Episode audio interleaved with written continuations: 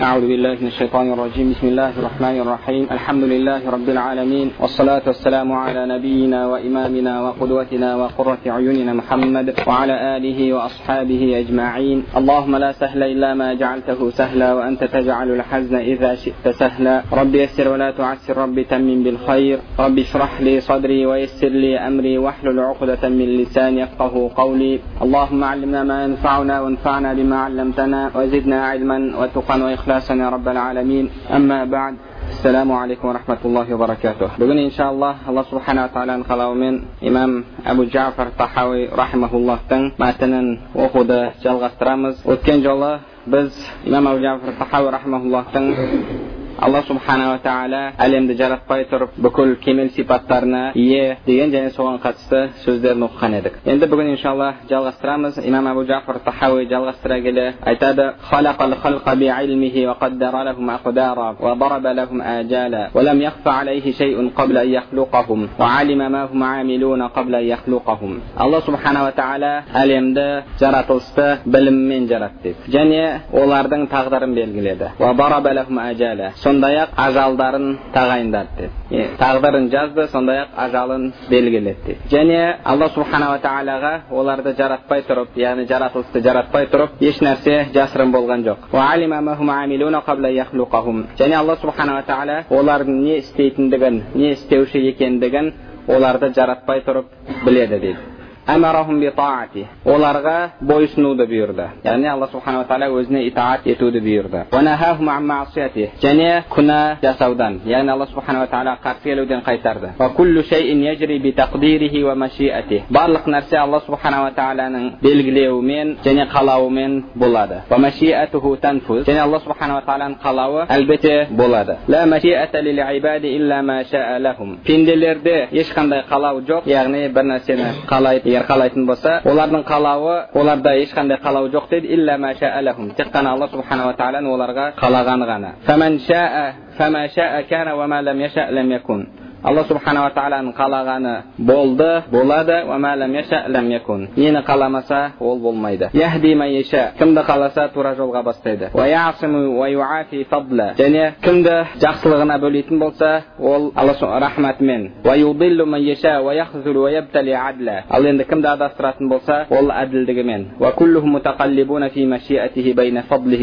және барлығы алла субханала яғни барлық жаратылыс барлық адамзат алла субханала тағаланың әділдігі мен рахматының арасында дейді яғни бұл жерде имам абу жафар жаңа бір мәселеге кірді ол мәселе тағдыр мәселесі бірінші басында алла субханала тағала біліммен жарат яғни алла субханала тағала жаратқан кезде барлық нәрсені біледі. Және тағдырын белгіледі. Сондай ақ ажалын. Ажал дегенде ол ғұламалар айтады ажал деген өлетін уақытты айтады адам өлетін уақытын өлім сәтін екінші біреулер айтады жоқ ол адамның өмірі дейді. Яғни біреулер оны өмір дейді екінші біреулер оны өлетін уақыт дейді. Адам сол ажалы келген кезде өледі.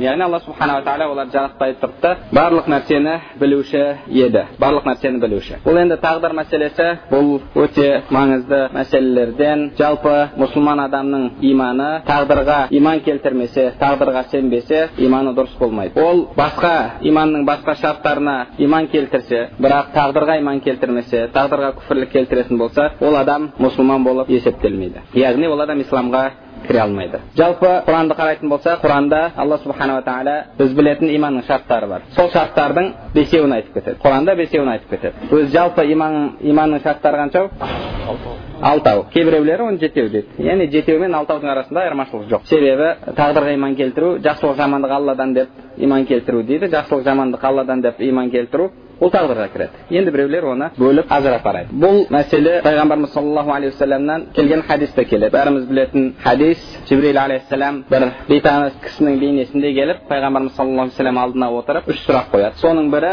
иман жайында маған хабар бер деді бір сұрақ сонда пайғамбарымыз саллаллаху алейхи вассалам аллаға иман келтіруің періштелеріне иман келтіруің кутубихи кітаптарына иман келтіруің уа періште елшілеріне иман келтіру және одан кейін қиямет күніне иман келтіру қадар сондай ақ тағдырға иман келтіру деді тағдырға иман келтіру сүннатта айтылып кетеді яғни хадистерде келген бірақ құранда тағдырға иман келтіру ол анық айтылмаған құранда келгені кімде кім аллаға иман келтірсе деп келеді аллаға иман келтірсе періштелеріне пайғамбарларына иман келтірсе деп келеді қиямет күніне иман келтірсе деді бақара сүресінде айтады яғни олардың барлығы аллаға иман келтірді періштелеріне кітаптарына және елшілеріне дейді бір аятарда кімде кім аллаға иман келтірсе және тағдырға иман келтірсе қиямет күніне иман келтірсе дейді ал неге анық тағдыр мәселесі айтылмаған мұны ғұламалар бұл алла субханала тағалаға иман келтірудің ішіне кіреді дейді біз алла субханала тағала иман келтірген кезімізде яғни алла субханала тағаланың толық кемел сипаттарға ие екеніне алла субханала тағала барлық нәрсені алдын ала білуші екеніне алла субханала тағала барлық нәрсе құдіретіне құдіреті жететіндігіне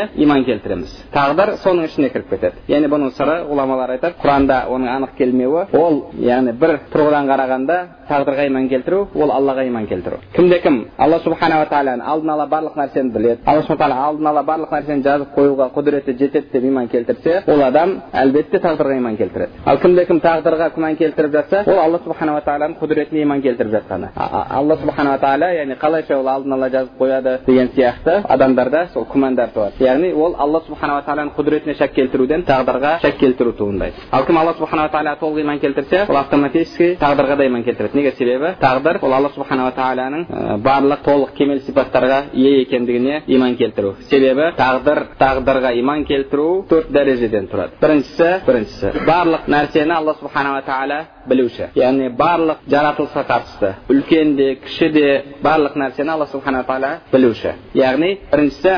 алла субханала тағаланың барлық нәрсені білуі ол жайында құранда алла субхан тағала көптеген аяттарда айтады өзінің өзінің барлық нәрсені білуші екеніне әрбір түскен жапырақтың да санын барлық нәрсені білуші екенін алла субханала тағала көптеген аяттарда айтып кетеді және екіншісі сол барлық болып жатқан нәрсе алла субханала тағаланың қалауымен болып жатқан яғни біріншісі білімі болса екіншісі барлық болатын болып қойған болып жатқан нәрселердің барлығы алла субханала тағаланың қалауымен болып жатыр бұл екіншісі үшіншісі бұның барлығы алла субханала тағаланың жаратуымен алла субхан тағала көптеген аяттарда яғни барлық нәрсені алла субханала тағала жаратушы деп яғни болған нәрселерде болып жатқан нәрселерде болатын нәрселерде барлық нәрсе алла субханала тағаланың жаратуы алла субханала тағаланың жаратуы сіздің ойыңызда сіздің пікіріңізде барлық нәрсені алла субханала тағала жаратты яғни ғұламалар айтады алла субханала тағала пышақ кесіп жатқан кезде әрбір сіз пышақты салған кезде алла субханала тағала соған жарату күшін кесуді алла субхан тағала кесу,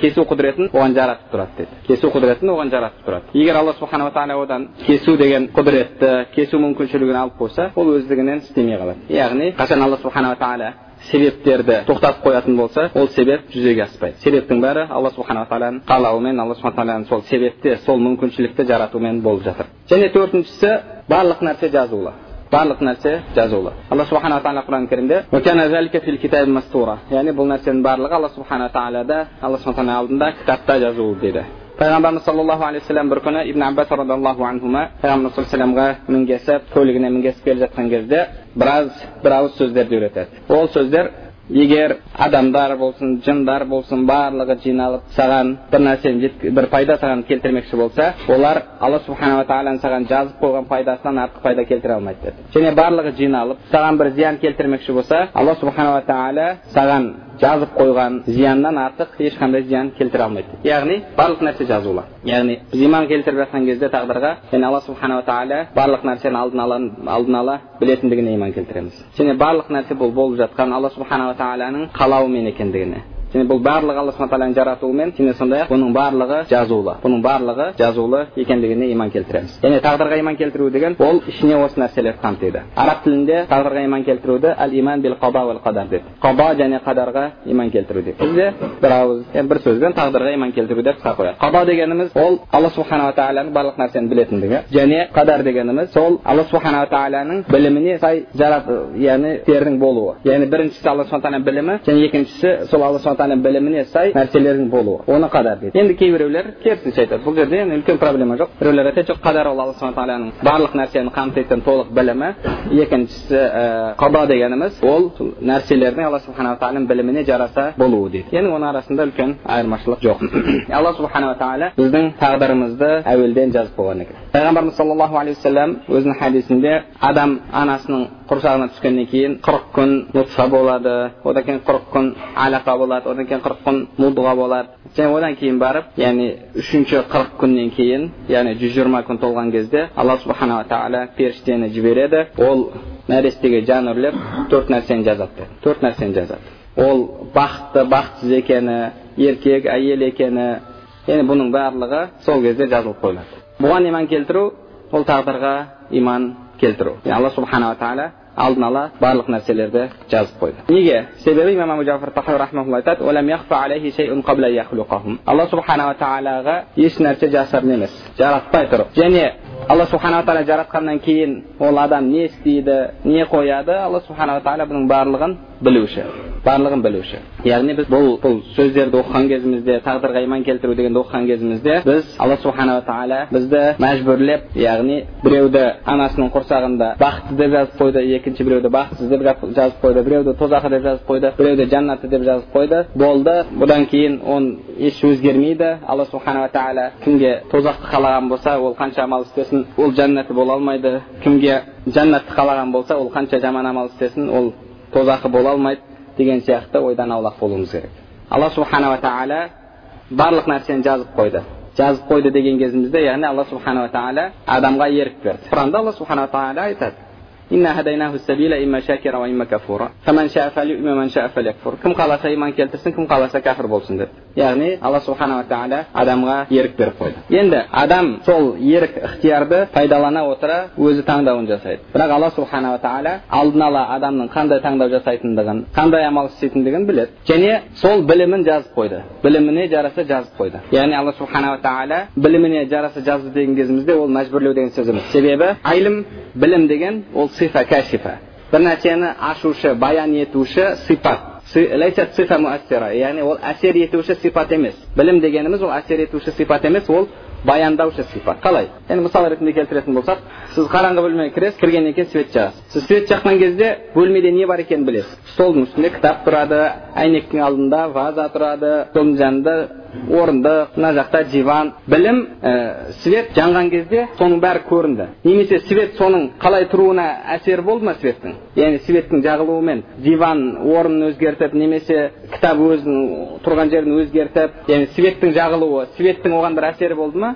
Әсері болған жоқ. Свет тек қана соны көрсетіп беруші. Яғни білім дегеніміз білім дегеніміз білу. Ол әсер етуші нәрсе емес. Ол тек қана соны ашып беруші ашып беруші нәрсе. Сол үшін ғұламалар не деді? Ғұламалар білім не деген кезде білім әл хабарул білім дегеніміз ақиқатқа сай ақиқатқа дөп келетін мағлұмат деді хабар мысалы бір адам сізге айтса жылқы екі аяқты болады десе ол сізге бір мағлұмат жеткізіп тұр ма жеткізіп тұр бірақ ол мағлұматы ақиқатқа сай ма сай емес па ақиқатқа сай емес енді ода ол білім болып есептеледі ме яғни ода бір мағлұмат бар немесе сіздің ә, сіз көрдіңіз бір жерде мысалы сізге біреу келеді да айтады қазақстан африкада орналасқан дейді ол сізге мағлұмат жеткізіп тұр ма мағлұмат жеткізіп тұр бірақ сол мағлұмат ақиқатқа сай ма ақиқатқа сай емес енді ол білім ба ол білім емес ол надандық ол жәһіл неге себебі білім ақиқатқа сай хабар мағлұмат яғни қашан білім ақиқатқа сай болады онда ол білім болады ақиқатқа сай болмаса онда ол білім болмайды ол надандық болады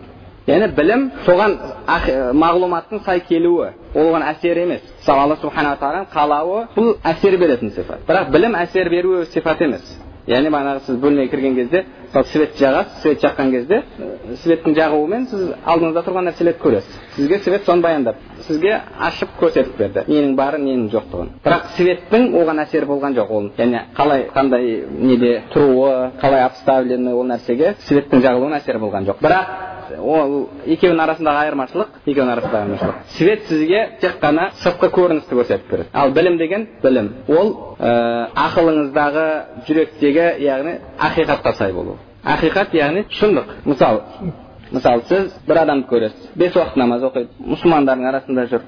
Сіздің көзіңіз свет секілді сізге сыртқы көрінісін көрсетіп берді сыртқы көрінісінде сіз көрдіңіз да ол мұсылман дедіңіз бірақ ол іс жүзінде жүрегінде мұнафиқ сіз оны мұсылман деп есептейсіз мұсылман деп онымен мәміле жасайсыз себебі сіз жүрегіндегіні білмейсіз бірақ ол сіздің мұсылман деген сеніміңіз негізгі ақиқатқа сай емес. Неге? Себебі ол ақиқатында шындығында ол мұнафиқ яғни сіздікі ол шынайы білім болып есептелмейді. Түсінікті ғой? Яғни бір мағлұматтың бір хабардың негізі ақиқатқа сай келуі. Мысалы бір адам ана қазақстан орта азияда десе онікі білім болады. А енді біреу жоқ африкада десе онікі білім болмайды. Ол надандық болады. Неге? Себебі ол ақиқатқа сай емес. Себебі ақиқат қазақстан орта азияда орналасқан. Яғни жалпы алла субханала тағала білді алдын ала барлық нәрсені және біліміне жарасын жазды. Бұл жерде мәжбүрледі деген сөз емес. Неге? Себебі білім әсер ететін сифат емес. Сифа кәшифа ашып баяндап беруші сифат. Біз барлық нәрседе еріктіміз бе? Немесе адамның ерікті емес жағы да бар ма тағдырында? Ерікті емес жағы да бар. Ерікті жағы ол алла субхана тағала ақыл есін дұрыс етіп бергеннен кейін оның иманды немесе күфірлікті тағы да сол нәрселер таңдауы ал еріксіз алла субханала тағала ол алла субхана қалауымен мысалы орыстарда не дейді ата родители не выбирают дейді яғни сіз қандай ата анадан туылуыңыз қандай қоғамда туылуыңыз бай немесе кедей семьяда туылуыңыз ә, сіздің еркек әйел болып туылуыңыз бойыңыздың ұзын болуы қысқа болуы қазақ болуыңыз араб болуыңыз өзбек болуыңыз орыс болуыңыз.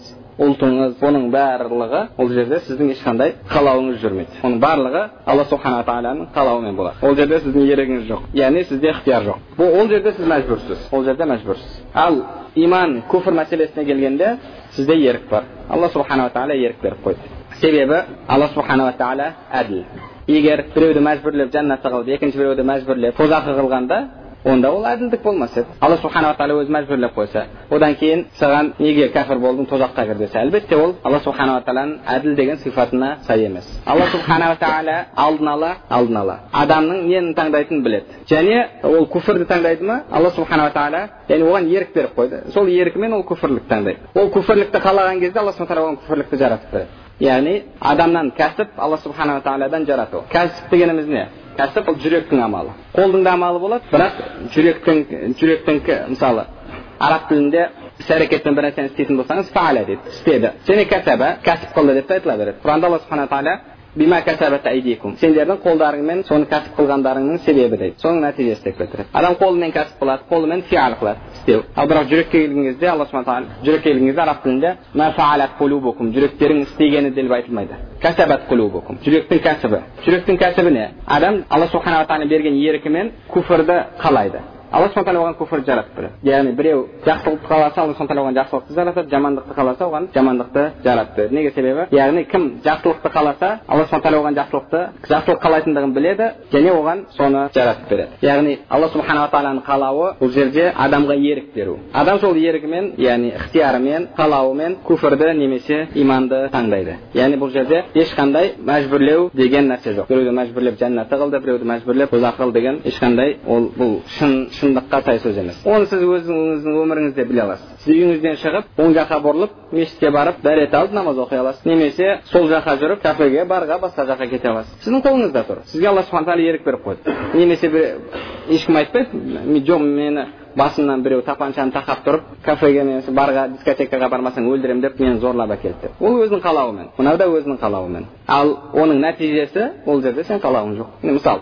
светофорда тұрсыз қызыл жанып тұр. Сіз газды басып светофордан өтіп кетуге мүмкіншілігіңіз бар ма жоқ мүмкіншілік бар мүмкіншілік бар енді ар жақта гаи тұр гаи тоқтатады тоқтатқан кезде сіз сол ісіңіздің нәтижесін көруде нәтижесін яғни оның жемісін көруде сіздің ерігіңіз бар ма ықтиярыңыз бар ма ықтияр жоқ яғни күнәні немесе сауапты істеуде сізде ықтияр бар бірақ оның нәтижесін көруде сізде ықтияр жоқ яғни сіз бұл дүниеде жәннаты болуға лайық амал істедіңіз алланың алдына барғанда жәннатты боласыз тозаққа тозақ адамға лайық амал істедіңіз алланың алдына барғанда тозақы болады барғаннан кейін е жоқ мен тозаққа тыймын деп ол ешкім тозақтан аман қала алмайды ал бізде ибраһим бин адхам деген өте тақуа кісілерден болған сондай ибадатымен көп дана сөздерімен адамдардың астында әйгілі болған кісі сол кісіге бір күні бір адам келіп айтады мен күнә істей беремін дейді күнә істемеймін деп өзіме ант беремін да қайтадан істеп қоя беремін маған бір уағыз айтшы деді маған бір сөздер айтшы мен сонымен тоқтайын сонда ибраһим ибн адхам рахмаулла айтады егер сен күнә істемекші болсаң онда алла субханала тағала көрмейтін жерге барып істе қалай мен алла субхана тағала көрмейтін жерге барып істеймін алла субханала тағала барлық нәрсені барлық жерде көріп тұрған жоқ па деді айтады алла субхана тағала көріп тұрса онда қалай сен күнә істейсің дейді сөзін жалғастырып айтады егер күнә істемекші болсаң онда алла субханала тағаланың меншігі болмаған басқа жерге барып істе яғни аспан жер барлығы алла субханала тағаланікі алла субхана тағаланың меншігі ал сен біреудің біреулер біреудің үйінде жүреді да оның қазанына түкіріп мысалы қорасына түседі ол адам қандай адам әлбетте оңбаған адам. Біреудің үйінде жүріп біреудің мысалы квартирасында жүреді да біреулер сол өзінің үйіне қамқорлығын алған адамға жамандық жасайды. Манағы өзі тамақ ішкен қазанына түкіреді деді әлбетте ол оңбағандық ибраһим ибн адам айтады сен алла субхан тағаланың жерінде күнә жасама деді ол айтады мен қайда барамын деді мен басы юпитерге ұшып кетсем де марсқа ұшып кетсем де ә, бағанағы тағы басқа жаққа ұшып нлоға қосылып кетсем де дейді нло деген нәрсе бар ғой енді өтірік. Соған қосылып кетсем де оның сөзі емес бұл мен әзіл ретінде қосып жатырмын қай жаққа барсам да мен алла субхан тағаланың меншігінен алла субхан тағала мүлкінен шыға алмаймын ғой алла субханала тағаланың жаратылысының территориясынан шыға алмаймын ғой деді ибраһим ибн адам айтады сен алла субхан тағаланы көріп тұрған біле тұра алла субханала тағаланың жерінде жүре тұра күнә істейсің бе деді кейін айтады егер күнә істемекші болсаң онда алла субханала тағаланың рызқынан жеме деді қалай мен алла субхан тағаланың рызқынан жемеймін барлық жеп жатқанымда ішіп жатқанымда ауада барлығы алла субхан тағаланың рызқы емес пе деді айтады ей оңбаған сен алла субхан тағала көріп тұрғанын білесің алла субханала тағаланың жерінде тұрсың алла субханала тағала рызқын жеп тұрып тағы да күнә істейсің бе деді қандай оңбаған адамсың кейін айтады егер күнә істемекші болсаң онда ертең өлім періштесі келген кезде жаныңды алуға мұрша берме деді қуып жібер деді әлгі кісі айтады бұл мүмкін емес қой деді қалай мен қуып жіберемін алла субхан тағала құран кәрімде әрбір адам баласы өлім дәмін татушы дейді және әрбір адамның ажалы бар ажалы келген кезде ол оны бір минутқа кешіктіре де алмайды оны ілгерілете де алмайды мен қалай ол мүмкін емес қой деді сонда әлгі кісі ибраһим ибн адам айтады сен алла субханала тағаланы көріп тұрғанын білесің алла субханала тағаланың жерінде жүрсің алла субханала тағаланың рызқын жеп жүрсің ертең өлетініңді білесің соның бәрін біле тұра қалайша күнә істейсің деді одан кейін айтады яғни жалпы алла, алла, адам әлбетте ол өлімнен қашып бола алмайды өлімнен қашып бола алмайды адамның өлім періштесі келді ажалы келсе болды өлім ол әлбетте әрбір адамның соңғы бұл дүниедегі соңғы остановкасы киім ескіреді сонымен сіз бұл киім шешесіз де жаныңыз шығып кетеді. Бізде сирияда хазнауия деген тариқа бар. Соқылардікі бір жігіт айтады сириялық жігіт жұмасына барып қатыстым солар деді сол мешітке барып жұмаға қатыстым сөйтсем пірлері тұрып алып ол пір ма кір ма тұрып алып біздің піріміз хазнауи өзінің мүриттеріне өлім періштесі келіп өлім періштесі келіп жанын алып кетіп бара жатқан кезде алдынан шығып пірлерімнің жанын денесінен қайтар деп айтыпты дейді жоқ мен қайтармаймын деп алып кетіп бара жатса сол жерде өлім періштесімен төбелесіп левый боковой бір удар берген кезде жақсылап қолындағы жандары шығып кетіп әрқайсысының бәрі өзінің денесіне кіріпті дейді сөйтсе ана жерде отырған анау мүриттері мүрит деген кім? Мүрит деген яғни бағанағы қол беріп ақылын мусорға тастап мен сенің алдыңда жаңағы пластинкамын не істесең соны істе деп отырған адам. Яғни оларда негізі арабтарда айтады яғни адам қол беріп бағанағы мүрит болған кезінде ол жуушының алдындағы өлікке айналады. Яғни оны қалай ауда былай аунатады былай аунатады әйтеуір өзінің білгенін істейді оларда да сол нәрсе. Өз, өздері айтады маған келетін болсаң есіктің алдына келген кезде ақылыңды мусорға таста да ары қарай кіре бер деді ақылың осы жерге дейін істейді деді маған жеткізуге дейін ар жағына мен управлять етемін деп. Сөйтіп періште ә, өлім періштесінің қолындағы жандары нелерге қайтқан кезде мүриттеріне мүриттер қайта тіріліпті анау жұрттың мүриттер жылап жатыр дейді. Аллах аллах деп кәдімгідей бір әсерленіп бағанағы біздің піріміз керемет болған деген. Яғни бұл әлбетте бұл адасқан адамдардың сөзі. Бұл адасқан адамдардың сөзі. Ол өзін кімге ұқсатып жатыр? Ана өлім періштесімен төбелесетін мұса алейхисаламға ұқсатып жатыр. Мұса алейхисалам хадисте келгенде өлім періштесі келген кезде бір көзін ойып түсіреді. Бір көзін ойып түсіреді. Ұрып па басқа қылып па әйтеуір бір көзін ойып түсіреді. Бұл хадис сахих кейбіреулер одан таңғалуы мүмкін. Негізінде ғұламалар айтады бұл хадисті түсіндіруде. Жалпы ереже періште адам бейнесіне ене алады адам бейнесінде келе алады оған бағанағы ибраһим алейхисаламға келгені лут алейхисаламға келгені пайғамбар саллаллаху алейхи келгені көптеген сахих дәлелдер бар адам бейнесіне ене алады адам бейнесіне енген кезде адам не нәрседен әсерленеді ол да сол нәрседен әсерленеді деп яғни мысалы адамды бір ұрсаңыз көзі ойып түссе ол сол сияқты адам бейнесінде кезінде оған да ол әсер етеді және екіншісі ол жерде өлім періштесі айтпай рұқсат сұрамай келген болуы мүмкін еді неге себебі сахих хадистерде бар алла субханала тағала әрбір пайғамбарға өлерден алдын немесе өлім періштесін жібереді оған таңдау береді таңдау береді яғни ол сол рұқсатсыз келіп қалған болу керек соның нәтижесінде сондай болды сол үшін де бар жерге рұқсат сұрап кіру керек ибраһим ибн хадам одан кейін айтады сен онда күнә істемекші болсаң ертең періштелер сені тозаққа тастап жатса тозаққа алып кетеміз деп жатса оларға мұрша берме деді. Мұрша берме тозаққа түспей қал деді. Ол айтады мен о дүниеге барғанда менде ешқандай ебі жоқ қой деді. Менде ешқандай қалау жоқ. Қалайша мен өзімді тозақтан аман сақтап қалуым деп сонда айтады сен алла субханала тағаланы көріп тұрғанын білесің. Алла субханала тағаланың жерінде жүрсің. Алла субханала тағаланың рызқын жеп жүрсің. Ертең өлім періштесі келсе өлімнен қашып құтыла алмайтыныңды білесің. Ертең тозаққа тастап жатса тозақтан құтыла алмайтыныңды білесің. Соның бәрін біле тұра күнә істейсің бе дейді сонда әлгі кісі болды деді. Болды жетеді алла разы болсын. Бұдан кейін күнә істемеймін деді.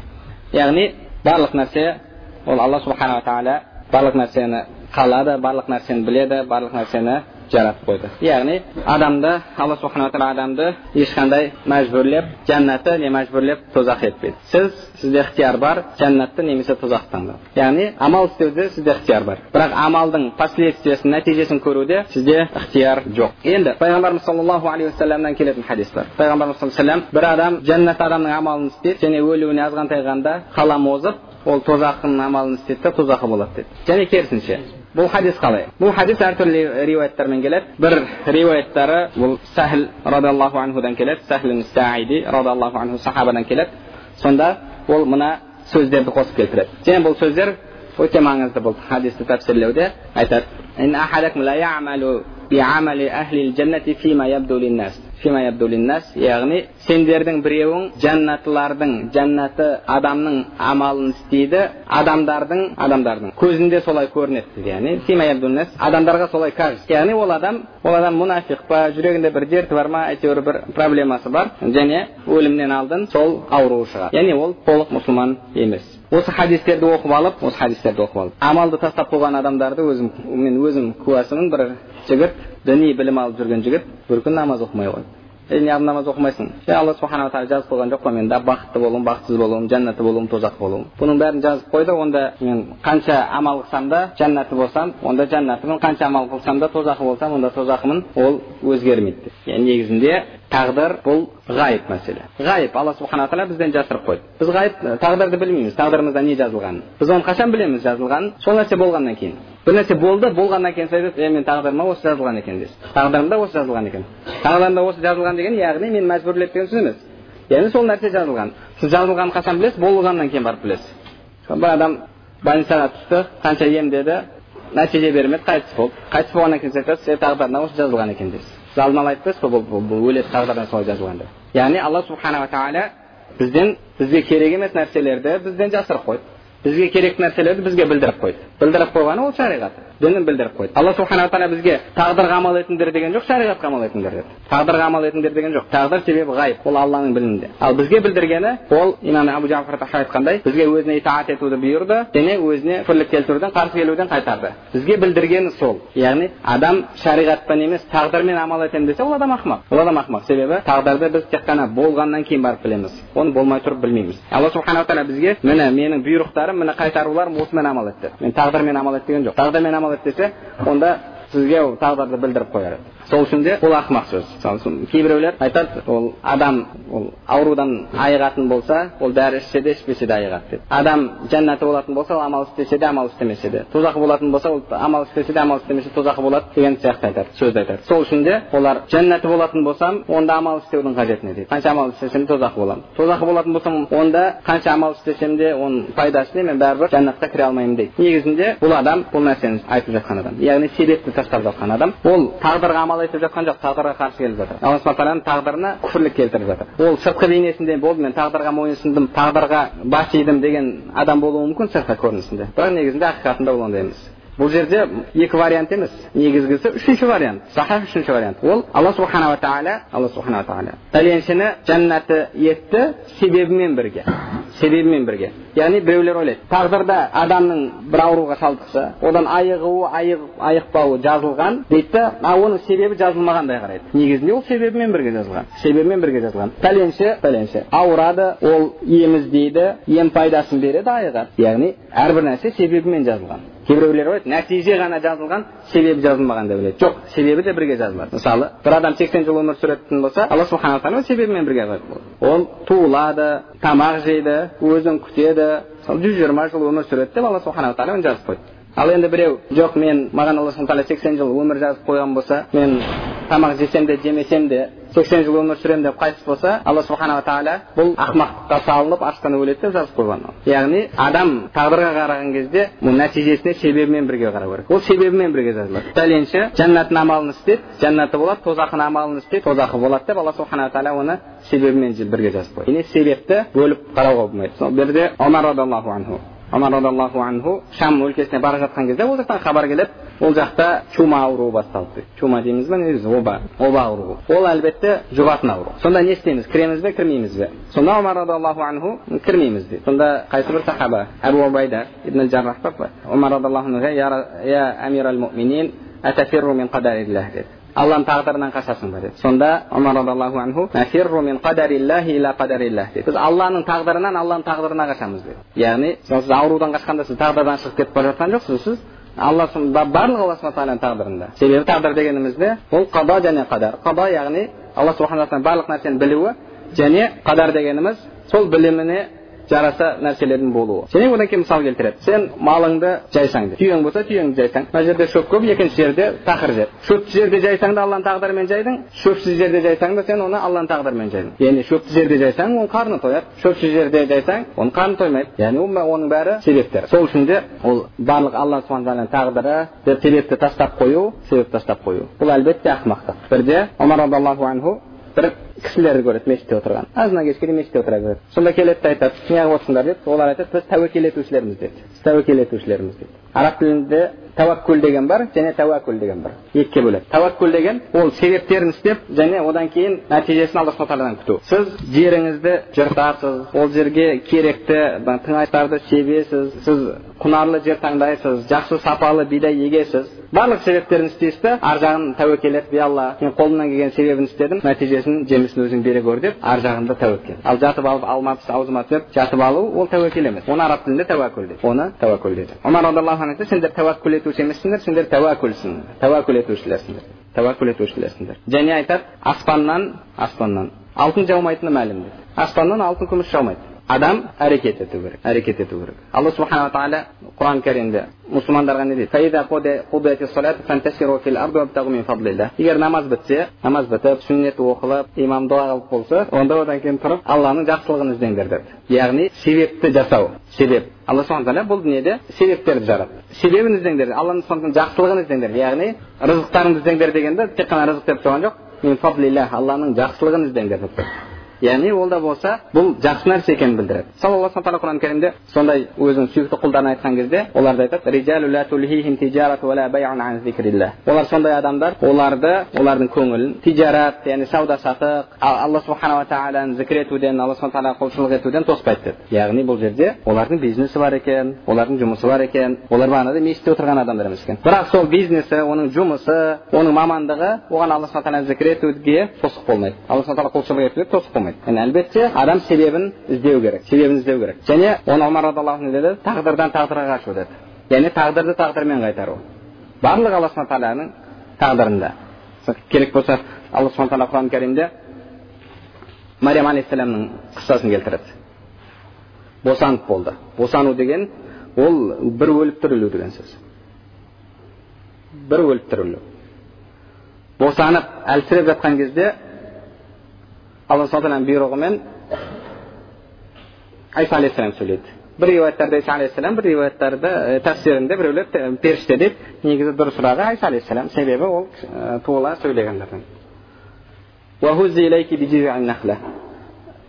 құрманы сілкіді алла субханала тағала құрманы сілкімей ақ сондай әлсіреп жатқан әйелге алдына құрманы түсіріп қойса алла оған қадір емес пе алланың құдіреті жетеді оған бірақ бізге себепті үйретіп жатыр. Себепті үйретіп яғни сондай қиын жағдайда болса да себебін істеуді. Алла субханала тағала біреуді бала шағалы болады деп жазған болса әлбетте оның себебін бірге жазды. Ол үйленеді көп бала шаға туатын әйелге үйленеді сөйтіп көп бала шағасы болады. Онымен қосылады әйелімен. Одан кейін нәтижесінде бала шағалы болады деп жазып қойған. Ол мысалы мен тағдырымда он балам болады деп жазылған болды мен үйленбесем де он бала болады деген сөз ол әлбетте ол ақымақ адамның сөзі яғни адам әрдайым себебімен бірге қарау керек себебімен бірге қарау керек одан кейін нәтижесін алла субхан тағаладан күтеміз өзі востоковедтер шығыстанушылар мұсылмандардың артта қалуының себебі тағдырға деген иман деп біздің тағдырға деген иманымызды олар бұрмалағысы келеді олар болды алла жазып қойған болса болады деп себептің бәрін тастап қойды соның арқасында олар артта қалып қалды деп адамдардың тағдырға деген иманын әлсіреткісі келеді негізінде тағдырға деген иман ол адамға күш береді адамға күш береді ол адамды әлсірететін себеп тастатын, тастататын нәрсе емес яғни оны дұрыс түсіне білу керек ол адам бағанағы пайғамбарымыз саллаллаху омар ибн аббас радиаллаху анхумаға үйреткендей адамдар қанша әрекет жасаса да саған алла субхан тағала жазбаса ешқандай зиян келтіре алмайды бұл қандай адамға күш береді яғни не нәрсе болса да яғни ол тағдырымда алла соны тағдырыма жазыпты алланың қалағаны болды деп иман келтіру бұл адамға күш қуат береді адамды әлсірететін нәрсе емес а ислам дұшпандары керісінше біздің адамдардың көз алдында тағдырға деген иманды бір құбыжық қылып оны бір қорқынышты нәрсе қылып көрсеткісі келеді. Ал негізінде мұсылмандардың мұсылмандардың күштерінің бірі ол тағдырға иман келтіру тағдырға иман келтіру енді адам тағдырға иман деп әділетсіздікпен мысалы күресу басқа қылу оның бәрін тастап қою ол да ақымақтық. Мысалы біреулер бұрынғы не кезінде? Советский союз кезінде оларда мынандай бір ереже бар еді. Сен барлық күш жігеріңді жұмса және қажетіңді ал деді. Қажетіңді ал. Яғни мысалы бір адам алла субхан тағала оған мүмкіншілік берген. Сол мүмкіншіліктерін ол пайдаланса ақша табуды біледі ол байып кетеді. Ал ол кезде ешкім байымайды әркімге өзінің қажет мөлшері мысалы талонмен саған бір күнге қанша бес нан керек па бес нан одан артық берілмейді қанша саған өмір сүруіңе екі мың теңге айлық жетеді ма екі мың теңге айлық болды сондай емес пе сондай еді яғни бұл жерде оны алланың тағдыры деп қойып оны тастап қою ол әлбетте яғни бұл жерде мысалы біреу айтады менің мүмкіншілігім бар мен ақша табуды жақсы білемін мынандай мынандай бизнесті істесем көп ақша табар едім бірақ бағанағы жүйе мемлекеттік жүйе бағана ә, сол не кезіндегі советтік кеңес кезіндегі жүйе сияқты ол мүмкіншілік бермейді сіз оған не дейсіз жоқ аллаға иман келтірдің ба тағдырың болды осы тағдырың осыған иман келтір деу сонымен шектелесіз ба әлбетте жоқ ол дұрыс емес бұл жерде қоғамда болып жатқан әділетсіздікті тағдырға жабыстырып қойып алланың осы тағдыры осыдан көн деп бұл әлбетте ол алла субхан тағалаға жала жабу. Ол тағдырға иман келтіру емес ол. Ол бағанағы кімдерде бар еді? Мына индуистарда бар. Оларда білесіздер. Адамдар әртүрлі дәрежеден тұрады. Әртүрлі дәрежеден тұрады. Біреулер құдайдың табанынан аяғынан жаратылған біреулер белінен көкірегінен жаратылған қолынан жаратылған біреулер басынан жаратылған деді басынан жаратылғандар кімдер брахмалар олар олардың қоғамдағы орны олар патшалар болады уәзірлер болады ел басқарады одан кейін қолынан жаратылғандар бар олар әскери әскер жағымен айналысады одан кейін төмен жағы олар шудра деді шудра деген яғни тек қана құлдықпен айналысатындар олар айтады құдай сені солай жаратты болды сен шудра болып жаратылдың ба сен қанша әрекет жасасаң да сен брахмаға көтеріле алмайсың ол дәрежеге деді және ол төбедегі дәрежеден қызды алуыңа болмайды бұл тағдырға иман келтіру ма әлбетте тағдырға иман келтіру емес ол тағдырға иман келтіру емес ол тағдырды алла субхана ол алла субханала тағала әділдікке бұйырды ал әділетсіздікті тағдырмен жауып қою ол әлбетте ақымақтық ол соның себебінен болуы мүмкін одан кейін екінші бір себеп жердің айырмашылығы. Мысалы бір қалаларда жұмыс істеу мүмкіншілігі жақсы екінші бір қалаларда жұмыс істеуге мүмкіншілігі жоқ. Мүмкіншілігі жоқ. Соның себебінен бір жерде айлық кем бір жерде айлық көп бір жерде табыс жақсы бір жерде табыс кем. Ол да бір себеп. Енді үшіншісі ол жерде уже тағдыр дейсіз мысалы сіз базарға шығасыз сізде товар тұр тура сол товар көршіңізде бар тағы бір көршіңізде бар. Адамдар келеді да тура сол товар қанша адамда болса келеді да бір адамнан көбірек алады. Неге? Алланың тағдыры. Алла солай қалады. Ол жерде тағдырға иман келтіресіз. Яғни барлық себебін істеп болғаннан кейін одан кейін алла субханала тағаланың тағдыры деп иман келтіресіз. Және сол үшін себептердің бірі дұға. Себептердің бірі дұға. Адам себепті ешқашан тастамау керек. Себептің бірі дұға. Біз дұға қылып жатқан кезде еш нәрсе жазылмағандай дұға қылуымыз керек. Еш нәрсе жазылмағандай дұға қылуымыз керек. Себебі біз ненің жазылғанын білмейміз. Алла субхан бізге дұға қылуды бұйырды. Маған дұға ет деді мен беремін деді. Садақа ет садақа жаса садақа жамандықты қайтарады деді. Яғни сіз садақа жасап жатқан кезде сіз ә, дұға жасап жатқан кезде еш нәрсе жазылмағандай дұға жасауыңыз керек. Еш нәрсе жазылмаған. Себебі сіз жазылып тұрған нәрсені білмейсіз. Және дұғамен дұғамен алла субхан тағала құран кәрімде алла субхан тағала нені қаласа өшіреді нені қаласа бекітеді деді.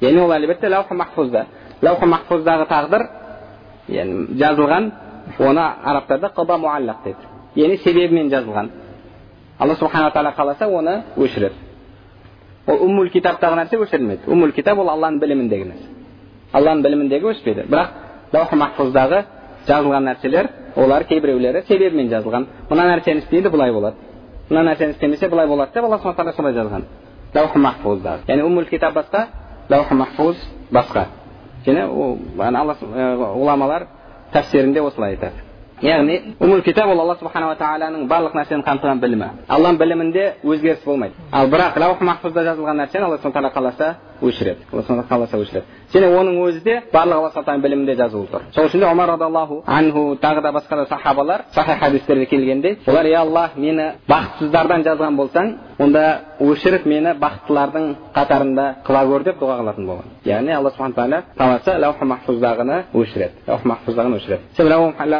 махфуздағы алла субхан тағала оны періштелеріне де білдіреді яғни ол алла субхан тағаланың білімі ғайып емес сол үшін де дұға жасаған кезде алла субхан тағала қаласа дұғаның себебімен лаух махфуздағы нәрсені де өшіреді сол үшін де дұғаны себебі тастамау керек яғни мысалы кейде адамдардың арасында мысалы біреу бай болады біреу кедей болады оның бәрін кейде ол жүйенің дұрыс емес қалыптасқанынан болуы мүмкін қоғамдағы оны тағдырға жауып қойып болды сен тағдырға иман келтіруің керек деп оны тастап қоюға болмайды ол нәрсені. Екінші ол бағанағы әртүрлі жерден себебімен болуы мүмкін.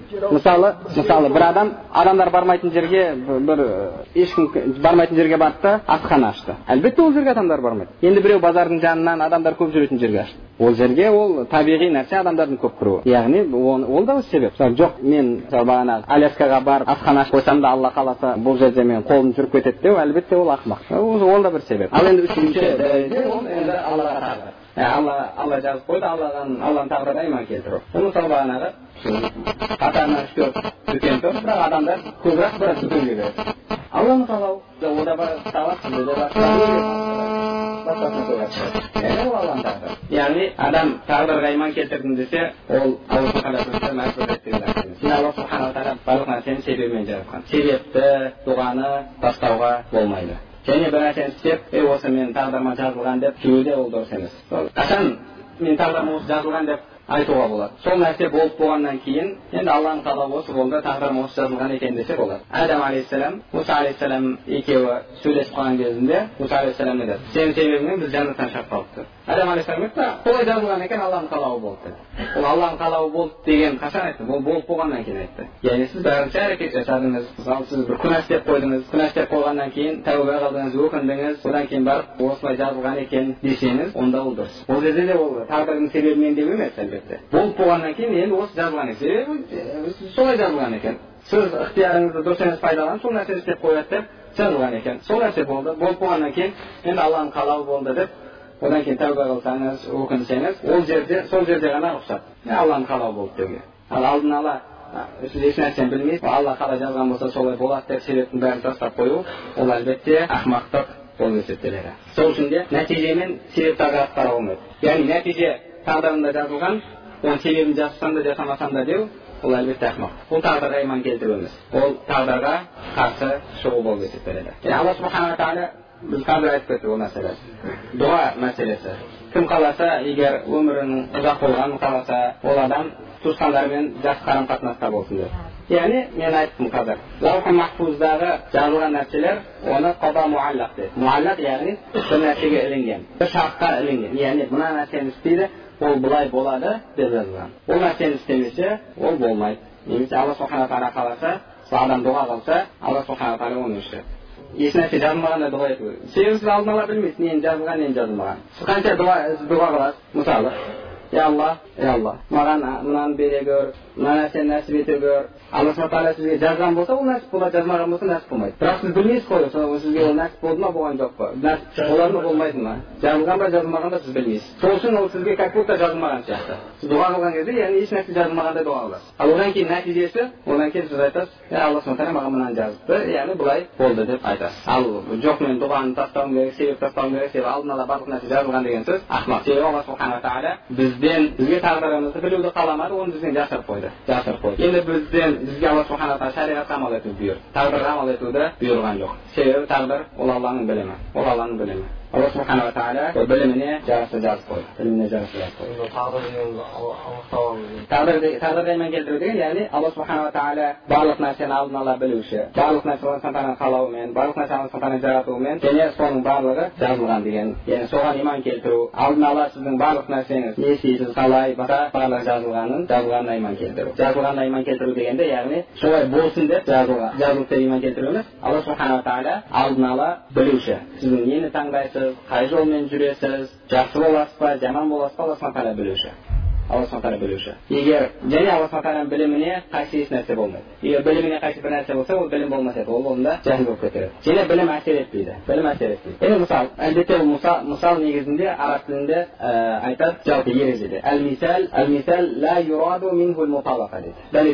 яғни мысал келтіру деген бұл жүз пайыз ұқсату емес мысал дегеніміз жақындату тек қана адамның зейініне жақындату сол үшін мысал келтіргенде ол жүз пайыз солай деген сөз емес мысалы бір адам кино түсірді режиссер сөйтіп телевизорға қойды сіз оны көріп отырасыз ертең не болады екен ертең не болады екен деп сіз оны көріп отырасыз дұрыс па ал оны режиссер алдын ала жазып қойды ол біледі кім қай жерде өледі кім кіммен қосылады кім кімге түседі оның бәрін ол біледі бірақ ол білгенде ол солай жазды яғни айырмашылығы ол режиссер жазғаны бойынша амал істейді енді тек қана жақындату үшін ғана айтып жатырмын алла субханала тағала ешкімді мәжбүрлеп жәннаты немесе мәжбүрлеп тозақты еткен жоқ ешкімді яғни қада муаллақ деді муаллақ дегеніміз не мысалы араб фиқта талақ муаллақ деді сен мына нәрсені істесең талақсың дейді қашан сол шарт орындалса талақ түседі мысалы сен пәленше подружкаңмен араласатын болсаң бұдан кейін сен талақсың дейді қашан сол подружкасымен араласса шарт орындалады да талақ түседі яғни бұл муаллақ дейді бір нәрсеге іліп қою яғни тағдырда лаух махфузда алла субхана тағала ол былай істейді